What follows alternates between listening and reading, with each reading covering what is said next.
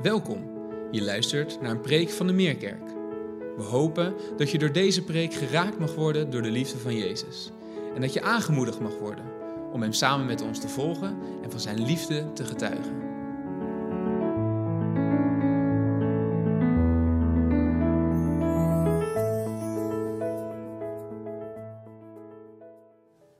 Goedemorgen.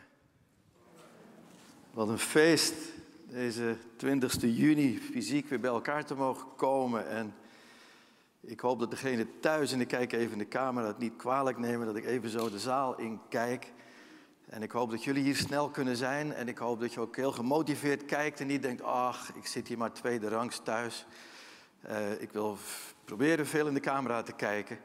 Uh, maar weet dat we hier jullie ook een warm hart toedragen. En uh, ik weet niet, vanwege de privacy zullen we niet vragen de gezichten te keren. Maar als we het allemaal even zo doen in de zaal, misschien wordt dat opgevangen door de camera. En die handen, laten we ze ook even klappen voor onze mensen thuis. Kijk, wat zou het geweldig zijn als die handen binnenkort weer elkaar ook kunnen begroeten in een handshake, een handdruk. Maar ook dit is goed, ook dit is goed, ook dit. Ik doe vaak zo op afstand en dan weten ze nou. Wiggelen, onze Haggy Beer, zou natuurlijk het liefst een hak willen geven. Wel, laten we opslaan met elkaar. Handelingen 2, vers 41 en 42. Treja zei het al, die teksten kennen we onderhand uit ons hoofd. Daar beschrijft Lucas de eerste christengemeente nadat Petrus zijn Pinksterpreek heeft gehouden. En dan zegt Lucas, en dat is een samenvatting, een inkijkje van hoe zij vanaf dat moment met elkaar optrekken, maar vooral ook met God optrekken en God met hen. Dan zegt Lucas dit. Degene die zijn woorden, van Petrus dus, op de Pinksterdag, degene die zijn woorden aanvaarden, lieten zich dopen en op die dag breidde het aantal leerlingen zich uit met ongeveer 3000. Ze bleven trouw aan het onderricht van de apostelen, vormden met elkaar een gemeenschap, braken het brood en wijden zich aan het gebed. Wijden zich aan het gebed. Vandaag deel 4 in onze preekserie, het feest van de navolging. En we spreken over dat laatste gebed. Ze wijden zich aan gebed. Daar zit toewijding aan. Daar zit verwachting in. Zoals wij vanmorgen hier fysiek, maar ik hoop ook zo jou thuis, hebben uitgezien naar dit uur met elkaar. Om elkaar te ontmoeten. Maar als gelovigen willen we ook niet alleen elkaar ontmoeten. Maar willen we juist ook God ontmoeten. En gebed is die plek van ontmoeting. God is een één gebed, zongen we net, van ons verwijderd. Jezus is hier en hij reikt zijn hand uit en wij mogen als het ware die hand pakken en zeggen, Heer, ik wil verbonden zijn met u. En gebed is die vertrouwelijke omgang, die verbondenheid van hart tot hart van God met ons als gelovigen en wij als gelovigen met Hem, onze Vader. Daarom zongen we vanmorgen bij aanvang ook, kom naar huis, naar het Vaderhuis, het Vaderhart. Wel hier als laatste kenmerk genoemd. Gebed, maar zeker niet laatste in graad van belangrijkheid. Integendeel. Lucas vermeldt dat tussen hemelvaart en Pinksteren tien dagen lang de 120 volgelingen van dat moment vooral biddende waren. Hij zegt het zo. Deze allen, die 120, bleven eendrachtig volharden in gebed. Daar zitten twee dingen in. Eendracht, het bracht hen samen, gebed bond samen maar ook volhardend. Ze gaven er niet op en keken op een horloge en zeiden, nou, het is nu wel mooi geweest. Nee, ze volharden. Elk uur zou je kunnen zeggen, elk moment dat ze met iets anders bezig waren, hadden ze een biddend gebed, waren ze in verbondenheid met de Heer. En niet één dag, niet twee, tien dagen uiteindelijk, maar ze wisten niet dat het tien zou zijn. Ze wisten alleen dat ze moesten wachten. En ze zeiden niet, nou, we moeten onze tijd maar een beetje volmaken, kill your time. Nee, ze zeiden, wat een kans dat we kunnen bidden, eendrachtig en volhardend. Nu, toewijding aan het gebed was dus de grond, het bestaansrecht, de bestaansgrond van de eerste christengemeente. En Lucas geeft ons ook voorbeelden van hoe dat gebed er in de praktijk uitzag. De inhoud van hun gebeden zou je kunnen zeggen. Die inhoud was natuurlijk voor alles lofprijs en aanbidding. Maar ze baden ook heel praktisch voor zaken waar ze tegenaan liepen. We zouden dat vandaag onze gebedsonderwerpen noemen onze voorbeden. Uh, heeft er iemand nog een gebedsvraag, een gebedsverzoek? We kennen het allemaal als we bij elkaar komen. Ik denk aan ons uur van gebed, wat in de coronatijd zo'n bijzondere tijd is geworden. Dan gaan we uit elkaar in kamers. En eerst zeggen we plenair zijn er nog dingen die we allemaal moeten weten om voor te bidden. En dan in de kleine kamer vertrouwelijk met drie, vier mensen. Wie wil nog iets delen in deze vertrouwelijke gebedskamer? Nu, dat is goed. Maar bedenk, wij zijn 2000 jaar verder, leven in een andere cultuur, onder andere omstandigheden. En vanmorgen zou ik weer willen doen wat we ook gedaan hebben een paar zondagen geleden over het onderricht van de apostelen. Als wij daar zouden bij zijn, als wij er zouden zijn, op de eerste rij misschien wel zoals sommigen. Hoe zou dat zijn bij de gebeden als we in die eerste gemeente 2000 jaar geleden ons oor te luisteren zouden leggen? Hoe hoorden we hen dan bidden? Waar baden zij voor? Wij spreken makkelijk over ja, een gebedslijst en dat is goed. Lees die lijst en bid voor degenen die op onze lijst staan. Elke vrijdag weer de namen in onze weekinfo. Maar het kan ook makkelijk worden een lijstje van verlangens. En dat is goed, maar dat is niet alles. En probeer eens voor jezelf voor te stellen. En ik kijk ook even in de, in de camera voor ons allen. Ook een vraag, prachtig voor uh, uh, onze Preek door de Week Plus in onze huiskringen. Als we kijken naar onze gebeden, is het dan niet vaak, we bidden voor dit, we bidden voor dat, we bidden voor zus, we bidden voor zo. En zo werken we als het ware het lijstje af. Er is niets verkeerd mee. Maar het kan ook heel makkelijk worden, toch een verlanglijstje bij de Heer neerleggen en dan weer verder gaan. En soms nemen we ook weer de dingen waar we voor gebeden hebben weer eigenlijk op ons. Terwijl we ze aan de voeten van de Heer gelegd hebben. Maar hoe makkelijk pakken we die zorgen en alles wat ons bezighoudt ook weer op. En gaan voor door eigenlijk niet veranderd omdat we het kwijt zijn. Nu, hoe was dat als we daar ons oor te luisteren zouden leggen? Waar, waar hadden zij hun accenten, zou je kunnen zeggen, in de eerste christengemeente? Nu, gelukkig, Lucas gunt ons verschillende kijkjes in hun gebeds keuken, in hun gebedskamer zou je kunnen zeggen. En vanmorgen willen we naar drie verschillende gebeden kijken. In handelingen 1, in handelingen 4 en in handelingen 7. Het eerste gebed wat we met elkaar willen bekijken vinden we in handelingen 1 vanaf vers 15. Petrus staat op, de Heer is net ten hemel gevaren, ze gaan terug naar de bovenkamer. Petrus staat op en stelt het wegvallen van Judas aan de orde. Judas heeft Jezus verraden en zich kort daarna zelf van het leven beroofd. Hij is er niet meer. En dan zegt Petrus, ja, zijn plaats moet ingenomen worden door een ander om het getal van de twaalf apostelen weer compleet te maken. En wat opvalt is dat Petrus in zijn toespraak het Oude Testament citeert, woorden neemt van het Oude Testament. Zijn, zijn, zijn betoog is doorspekt van het Oude Testament. En dan, en dat is belangrijk voor ons vanmorgen, overeenkomstig die woorden uit de schrift, de enige schrift die ze op dat moment hadden, de Tenach, wij noemen het het Oude Testament, Mozes en de profeten. Het is precies overeenkomstig dat schriftwoord en die schriftwoorden, woorden van God, dat ze spreken met elkaar, handelen met elkaar en ook juist bidden met elkaar. En daar willen we vanmorgen naar kijken. Ze stellen twee kandidaten voor bepaalde criteria waar de kandidaten aan moesten voldoen. En dan komen er twee, als het ware, naar boven. En dan staat er, daarna baden ze als volgt. U, Heer, doorgrond ieders gedachte.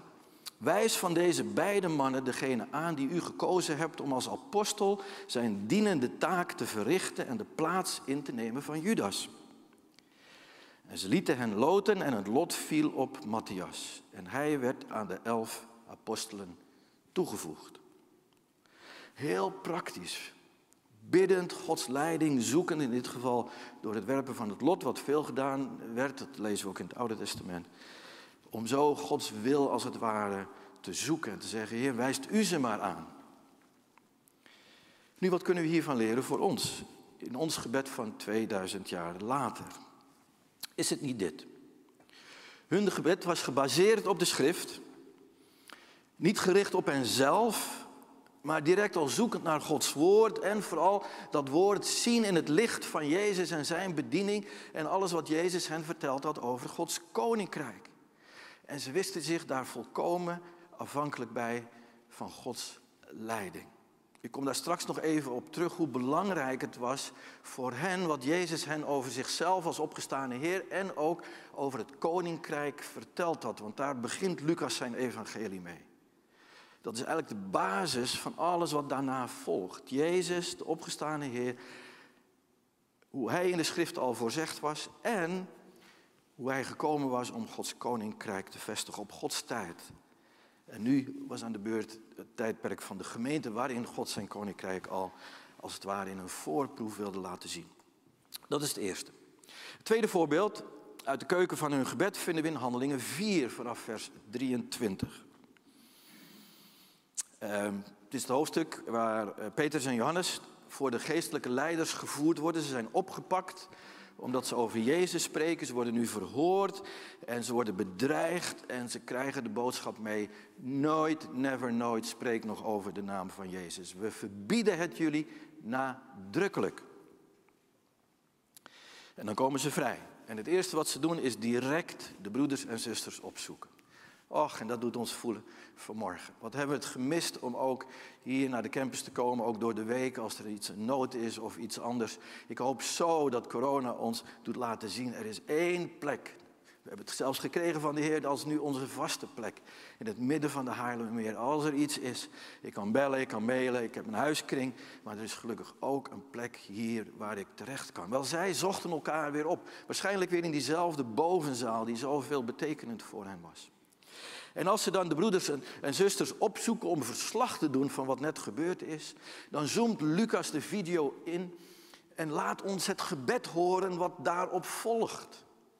Bedenk, er is verslag gedaan. Het eerste opgepakt worden, het eerste vervolgd worden om de naam van Jezus. Er wordt verslag gedaan en het eerste wat ze doen, ze gaan op hun knieën. En ook dat gebed is weer doorspekt van de schriften. Aanbidding, lofprijzing.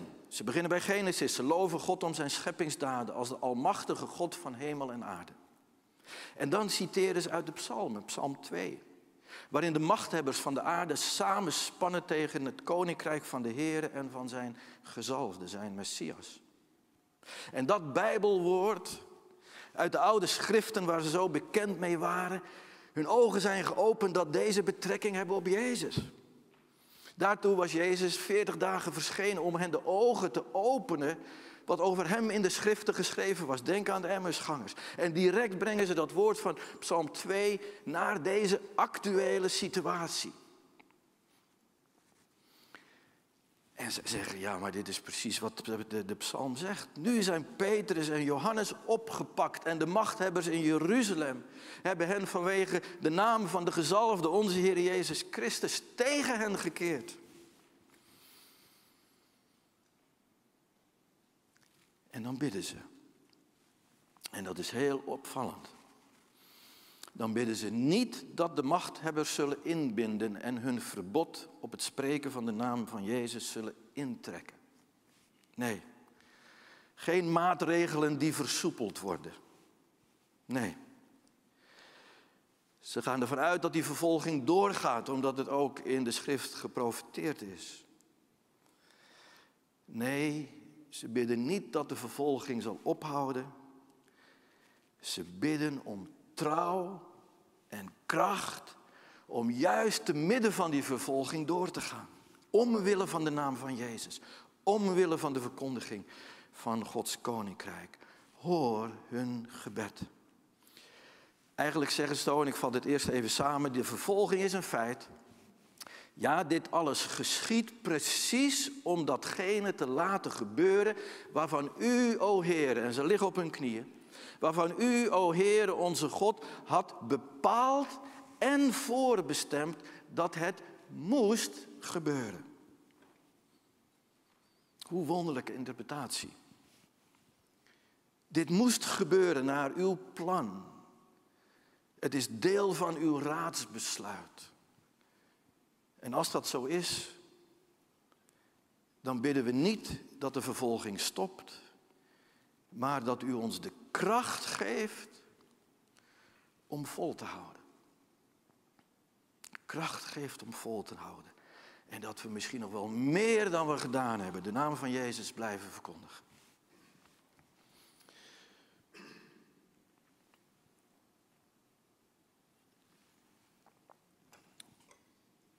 Francis Chan, een predikant, schrijver en spreker, veel gevraagd op conferenties, Hij komt uit Californië, daar geboren en getogen. Vertelt wat hij op dit punt van vervolging leerde van de kerk in China.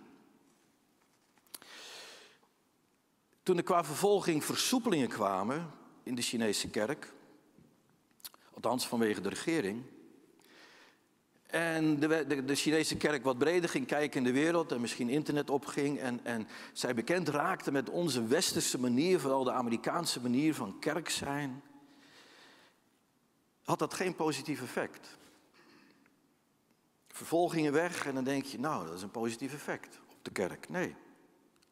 Wat bleek, de gelovigen gingen zich steeds wereldser gedragen, gingen hun wereldse ambities eigenlijk op hun gebedslijstje zetten. Van Heer, ik heb idealen en ik heb dromen en er is nu vrijheid en ik wil dit en ik wil dat. En hun gebedsleven veranderde compleet.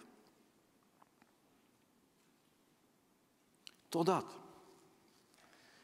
Totdat het regime toch weer begon te dreigen met vervolgingen. En ook daadwerkelijk ging vervolgen. Discriminatie, kleine prikjes, maar uiteindelijk veel ernstiger dan dat. En het gevolg? Het gevolg was heel positief. Ze leerden zich weer richten op Jezus en Gods koninkrijk en hun geloofsleven verdiepte zich en hun gebed richtte zich weer op Jezus en de verkondiging van Gods koninkrijk, op zijn plan en zijn ambities met ons, de gelovigen en met de wereld. En ze kwamen tot inkeer. Daar getuigen ze ook van. Wij zaten en waren op het verkeerde pad terechtgekomen.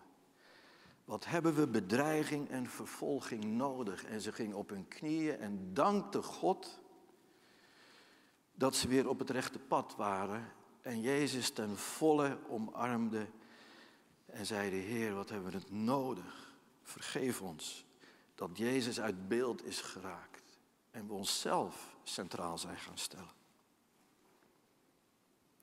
En nu is vervolging een kernwaarde voor de Chinese kerk.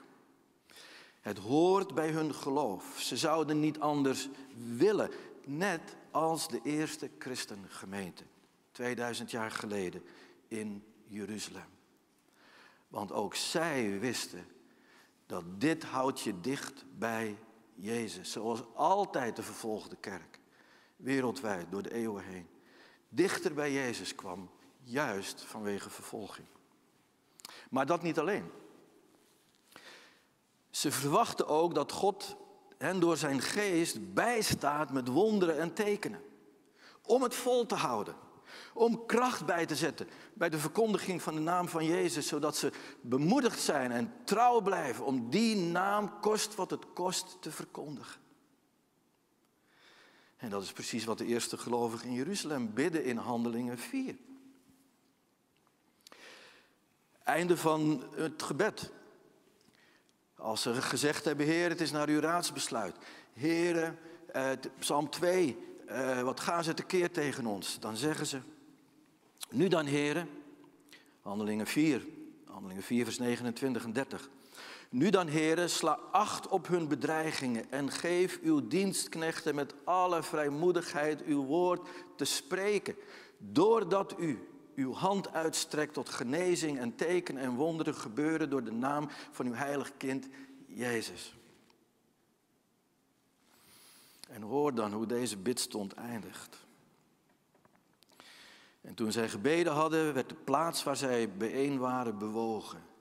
En zij werden alle vervuld met de Heilige Geest en spraken het woord van God met vrijmoedigheid. En dat is wat Lucas eigenlijk wil onderstrepen. Gods woord en de naam van Jezus en de verkondiging van het koninkrijk was niet te stuiten. En dat had Jezus ook gezegd. Jullie moeten beginnen in Jeruzalem. Dus Jeruzalem zal nooit het einde worden. Judea, Samaria en tot het einde der wereld. En we weten hoe handelingen 28 eindigt. In Rome.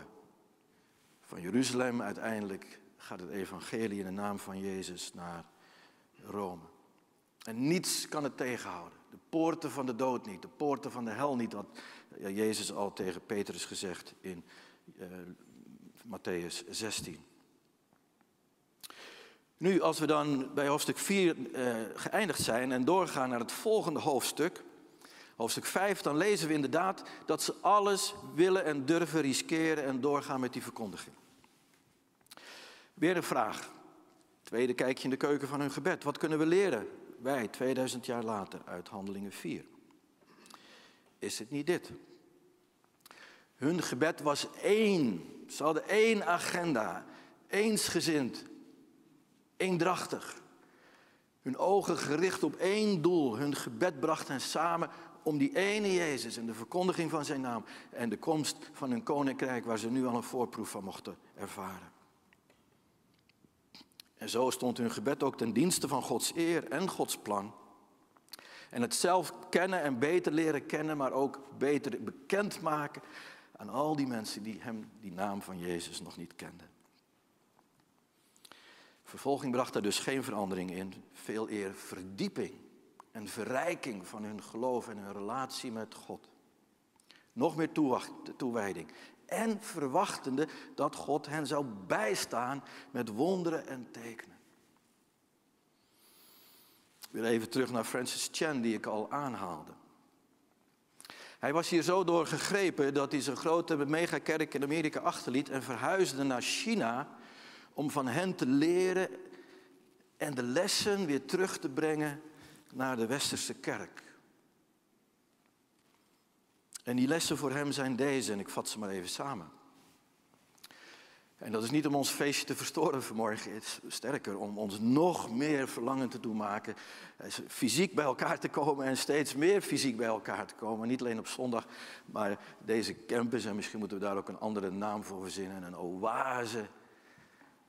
Waar we weten, hier is God in ons midden en daar kunnen we 24-7 terecht om te bidden.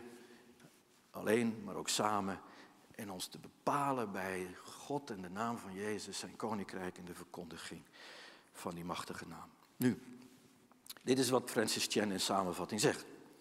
Wij in ons westers christendom stellen onze wensen en behoeften centraal. En hij spreekt vooral over Amerika, maar ik denk dat wij dat ook wel bij ons herkennen. We zijn religieuze consumenten geworden. En daar past natuurlijk geen vervolging bij en getuigen van Jezus, gewoon vrijmoedig spreken, zelfs zonder vervolging, vinden we eigenlijk ingewikkeld. Zijn we te druk voor, we hebben andere onderwerpen die ons bezighouden. Het is ook niet meer van deze tijd, het is ook zo moeilijk. We praten liever over voetbal en onze, onze sporten en al die andere dingen waar we zo enthousiast over zijn. Maar Jezus vinden we toch wel een beetje ingewikkeld. Ingewikkeld. En dat past ook niet bij onze rechtgeaarde consumenten, want wij voelen ons het meest happy in het zoeken wat bij ons past. En de wereld ligt aan onze voeten, ook religieus. Wij zoeken daarom ten diepste een Jezus en een kerk die bij ons past, waar we ons comfortabel bij voelen. En zo willen we ook graag Gods wonderen natuurlijk. Maar niet omwille van de verkondiging van het evangelie, maar omwille van onszelf. En dan ja, ik noemde het al, we zijn al zo druk. We hebben natuurlijk ook niet echt tijd om de Bijbel te lezen, laat staan te bestuderen, laat staan te overdenken, laat staan te memoriseren. Zoals de kerk in China doet, omdat ze geen Bijbels hadden, moesten ze het wel uit hun hoofd leren.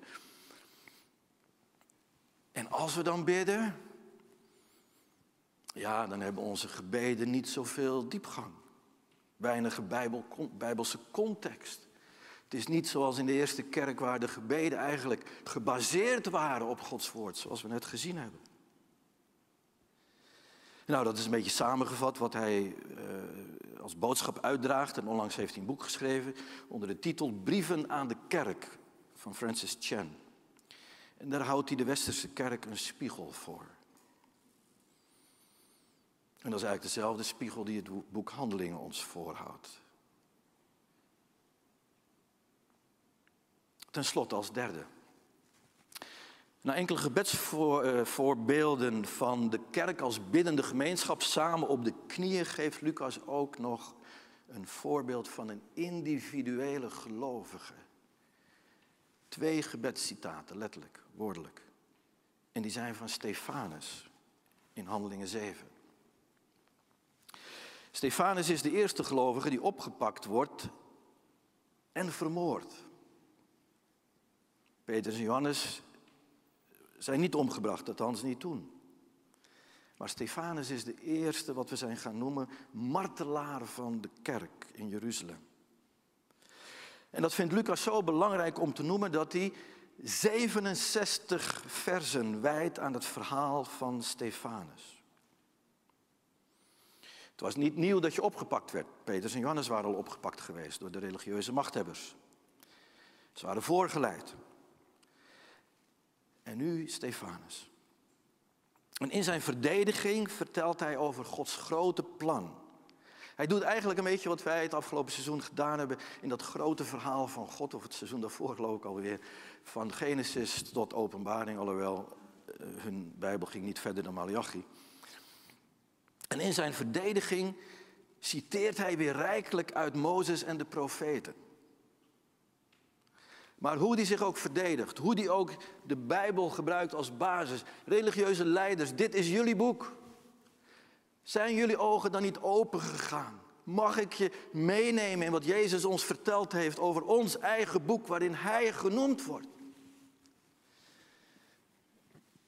Maar als hij daar probeert een pleidooi voor te houden, dan staat er, dan stoppen ze de vingers in hun oren om het niet te horen. En ze schreeuwen en ze gaan uit hun dak en ze sleuren hem de stad uit en hij wordt gestenigd.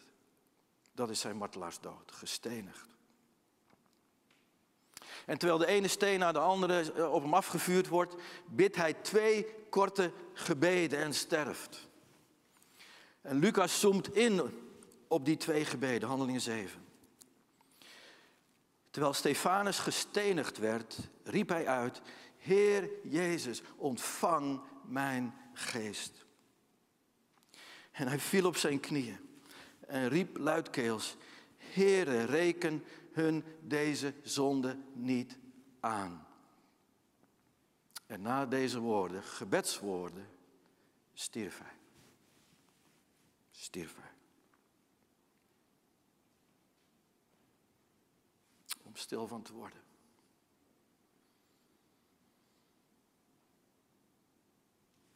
stervend met dezelfde woorden waarmee Jezus stierf aan het kruis. Ontvang mijn geest. En vader, vergeef hen, ze weten niet wat ze doen.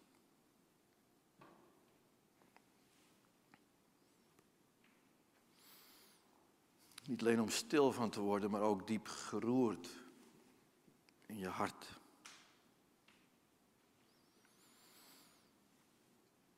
Weet je, wij gebruiken vaak het woord getuigen en getuigenis afleggen. Maar het Griekse woord martelaar betekent letterlijk getuigen zijn. Voor de eerste christenen was getuigen niet praten over Jezus, maar uiteindelijk bereid zijn te sterven voor Jezus. Dat betekent letterlijk het woord getuigen. Nu bedenk deze context. Want Lucas bouwt zijn verhaal heel, heel doordacht, geleid door Gods geest op om ons vaak in de details tussen de regels door een diepe, rijke boodschap te geven.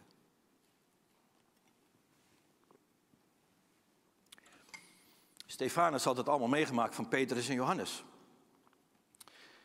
Eerste keer opgepakt, liep met de sisser af. Hou je mond en dan is het goed. Maar de tweede keer dat ze opgepakt werden, lezen we in Handelingen 5, dat ze gegezeld werden. Onder het motto ongetwijfeld van de eerste keer hebben we jullie gezegd zwijg over Jezus. En hebben jullie laten gaan, dat hebben jullie niet gedaan, nu hebben jullie weer opgepakt en wie niet horen wil moet maar voelen. En zo worden Petrus en Johannes gegezeld. Is niet alleen verschrikkelijk pijnlijk, maar ook een vernedering. Maar verbod nog geesteling kon hun verkondiging stoppen, integendeel. En dat is wat precies Lucas nu ons vertelt.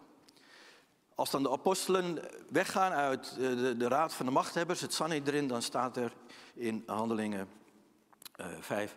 De apostelen verlieten het Sanhedrin verheugd dat ze waardig bevonden waren deze vernedering te ondergaan omwille van de naam van Jezus. Verheugd om gegezeld te worden. Wat een getuigenis. En het verhaal wordt alleen maar indrukwekkender als we in het volgende hoofdstuk lezen dat Stefanus kort na die geesteling van de apostelen voorgedragen wordt om een assistent te worden van de apostelen.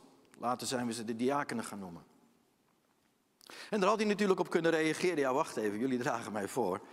Is allemaal leuk en aardig, maar het, eh, als ze de apostelen pakken en geestelen, dan zullen ze dat ook wel gaan doen met de assistenten van de apostelen. Eh, nee, dat, dat, dat gaat mij te ver. Het, het volgen van Jezus moet wel leuk blijven. Kies voor mij een ander.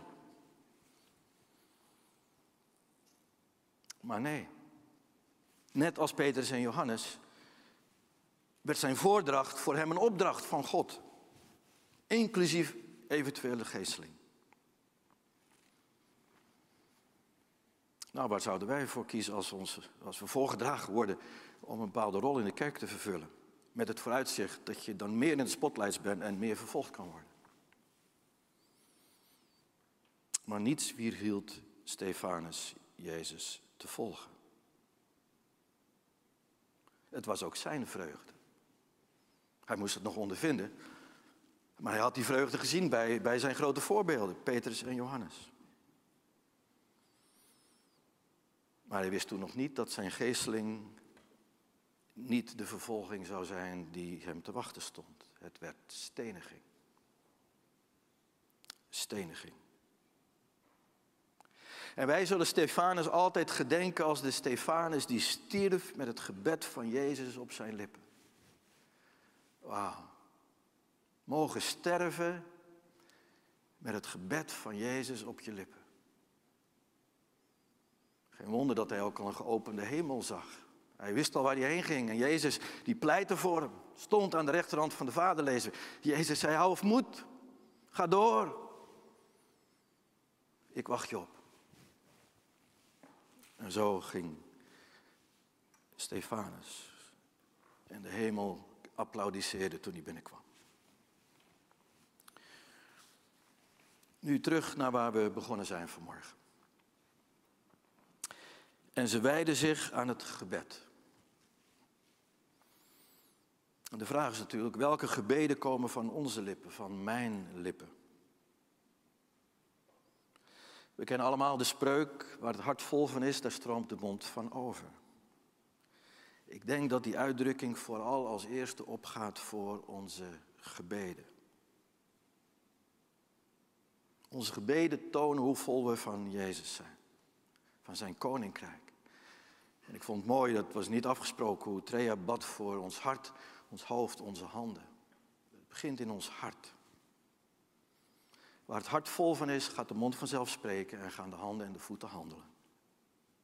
Het boek Handelingen heet ook niet voor niets de handelingen. De praktijk, de praxis van de apostelen.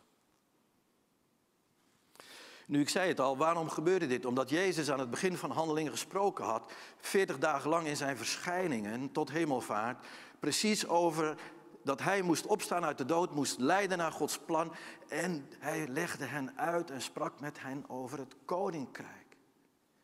Alle laatste woorden van Jezus tot en met zijn hemelvaart gingen over hem en zijn koninkrijk. Jezus was er vol van en zij werden er vol van. Daarom gingen ze ook met vreugde naar de tempel, lezen we, toen Jezus van hen af, afgenomen was, ten hemel te varen. Afscheid van een vriend. Ze waren niet bedroefd, ze waren blij, vol van vreugde. Gingen ze naar de tempel, vol van vreugde, volharden ze in het eenparig, eendrachtig gebed. Omdat hun ogen eenmaal open waren gegaan en Jezus zijn hart als het ware had kunnen overdragen aan hun hart. Waar zijn hart vol van was, werd hun hart vol van. Bepaalde hun alles, hun denken, hun spreken, hun doen, hun laten. En het bepaalde dus hun gebeden voor alles. Hun gebeden. En ik moet je zeggen dat het me zo verlangend maakt. Jullie hier te zien zitten en de camp is weer open. En ik heb het al meegemaakt met de kinderen en met, eh, met de jongeren en de ouders die komen brengen en halen. We hebben hier natuurlijk eh, al veel mensen ontmoet. Maar jullie weer voor het eerst te zien maakt me zo verlangend. Om in mijn persoonlijk gebedsleven, maar ook ons samen als huisgezin. Ons mond en ons hart en onze handen vol te hebben van waar Jezus vol van was. En ik denk dan de laatste tijd veel aan de woorden van Jezus over de tempel in Jeruzalem. Het huis van zijn vader. Hij sprak over dat huis als een huis van gebed. Daarom kon hij het ook niet uitstaan. Toen er niet meer gebeden werd en er gehandeld werd en hij nam een zweep en haalde de tafels omver en zei, dit huis moet een huis, een heilig huis van gebed worden en geen roversol wat het nu geworden is. En ik bid zo dat onze Bennebroekenweg steeds meer een huis van gebed mag worden, 24-7. Ik wil eindigen met Vaderdag. Vandaag is het Vaderdag. Ik weet niet of je het viert of bij stilstaat. Dank voor je gebed, zo invoelend. Het is natuurlijk een, een, een, een, een dag waar veel emoties mee gepaard gaan. Goede en minder goede. Voor mij is deze eerste vaderdag zonder mijn vader. Dat vraagt om een andere invulling dan ik gewend was. Ik ga vanmiddag naar zijn graf. Ook het graf van mijn moeder. En ieder vult deze dag al dan niet in naar eigen inzicht en omstandigheden. Maar wat we vanmorgen gemeen hebben, en waar Vaderdag ons alle kanten kan op laten gaan eh, in gedachten en gevoelens en eh, emoties en plussen en minnen, is er één ding vanmorgen en dat is dat wij een Vader kennen met een hoofdletter, onze Hemelse Vader. En die hebben we gemeen in Jezus Christus. En die Vaderdag mogen we vandaag vieren, nog wel omdat we fysiek in zijn huis bij elkaar mogen komen. En ik kijk even naar de camera thuis. Volgende week hè, zijn jullie er. En deze dierbare mensen geven jullie allemaal de eerste kans om in te schrijven. En dan hoop ik zo dat we Jezus hart ook gaan begrijpen steeds meer over zijn vader en hoe belangrijk het gebed is. En, en, en deze dagen dacht ik aan, wij hebben uitgezien om hier vanmorgen te zijn. Verlangend. Maar weten we hoe diep Gods verlangen is om ons te ontmoeten? Om ons aan zijn hart te binden. Om ons aan zijn vaderhart te drukken. In die vertrouwelijke omgang. Zoals Jezus dat kende in het gebed met zijn vader. En deze dagen word ik enorm bepaald bij dat diepe verlangen van God naar mij, zijn kind. Dat komt omdat ik deze week niet alleen onze zoon en schoondochter na jaren weer in de armen mag drukken, maar ook voor het eerst onze Olivia, ons eerste kleinkind. Hun gezin verhuist de komende dagen van Amerika naar Nederland. Olivia is bijna acht maanden oud en ik heb haar vanwege corona nog niet ontmoet en niet aan mijn hart kunnen drukken. Dat is natuurlijk heel pijnlijk. Een hele ontwikkeling niet meegemaakt. En je kunt je voorstellen hoe enorm ik verlang naar dat moment. Om die acht maanden in te halen, wat natuurlijk eigenlijk niet kan. Maar om in ieder geval vanaf deze week alles te doen om haar te leren kennen en haar aan mijn hart te drukken. Maar genoeg over mij en over haar. Maar één ding wil ik nog zeggen. Hoe diep ik ook verlang naar haar, zij heeft geen idee hoeveel en diep dat verlangen is. Ze is er niet mee bezig. Ze heeft er geen besef van. Ze weet niet dat dit hart klopt voor haar. En die gedachte was voor mij een spiegel over hoeveel God, de Vader, verlangt naar mij en naar jou en naar ons, zijn kinderen, zijn huisgezin. En beseffen we dat wel? Beseffen we dat wel? Of zijn we als een Olivia die denkt, nou, ze weet niet eens dat er verhuisd wordt. Ze weet niet eens dat ze haar grootvader gaat ontmoeten. Nou, wij weten wel over de hemelse vader. Maar weten we ook echt hoe diep Hij verlangt naar ons? En hier komt weer natuurlijk pijnlijk uh, bloot te liggen. Als wij consumerende christenen zijn, dan denken we alleen aan wat wij willen ontvangen van de Vader, niet wat de Vader wil ontvangen van ons. Hebben we enig idee hoe Hij verlangt naar ons? om ons aan zijn hart te drukken. Hij heeft er alles aan gedaan. Niet de afstand overbrugd van New York City naar Nederland. Hij verliet de hemel, de hemelse heerlijkheid, om de weg te gaan, uiteindelijk van het kruis en de opstanding. Om u, jou en mij aan Gods hart te drukken. Kun je je voorstellen hoe hij naar ons verlangt?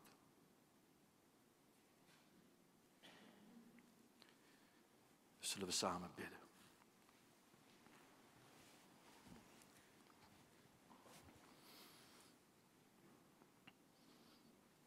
O Heere, open onze ogen voor uw hart dat uitgaat naar ons. Uw vaderhart dat klopt voor ons, dat alles gedaan heeft om ons met u te verenigen. Zoals Johannes zei toen hij Jezus mocht ontmoeten als de belichaming van u. Ik heb zijn stem gehoord. Ik heb hem gezien, ik heb hem aangeraakt, ik heb geproefd. En dan zegt Johannes op een gegeven moment, ik heb een hart op zijn boezem gelegd, zijn hart horen kloppen. O Heer, doe ons beseffen uw verlangen en als we het verlangen niet hebben om u te zoeken zoals de eerste christenen. En misschien wel nu de christenen van China dan kunnen we in ieder geval vanmorgen bidden. Heer, eh, prachtige preek, maar, maar, maar, maar ik voel dat niet zo en ik heb het druk en ik heb al op mijn horloge gekeken en ik moet nog zoveel vandaag. Ik heb dat verlangen eigenlijk niet, of zelden. Dat is niet erg, dat is niet erg. Maar vanaf vandaag kun je gaan bidden voor dat verlangen. Heer, ik verlang u nog niet, maar ik bid dat ik het verlangen mag krijgen. En mag uw Heilige Geest, en mag uw woord, een enorme grond onder de voeten zijn om, om uiteindelijk de ogen geopend te krijgen als een cadeau van u voor uw vaderhart. En dan wordt navolgen een feest, ongeacht de consequenties. We willen stil worden, heren. Op deze vaderdag, 20 juni, die een vaderdag is met een hoofdletter V. Spreek door uw geest tot ons hart, vanuit uw vaderhart. Open ons de ogen, zoals ooit de Emmersgangers en al die anderen. En mogen we zeggen, Heer, hier ben ik. Heer, hier ben ik. Doe het als een geschenk, een vaderdaggeschenk. In deze momenten van stilgebed.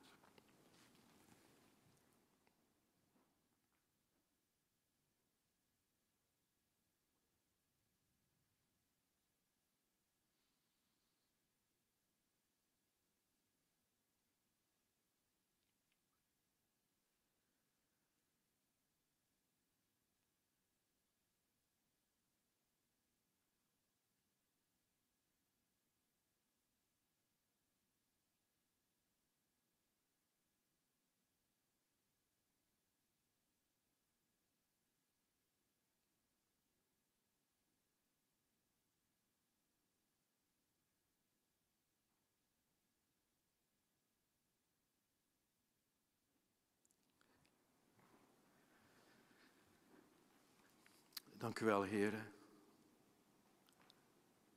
Hier zijn we. Kwetsbaar.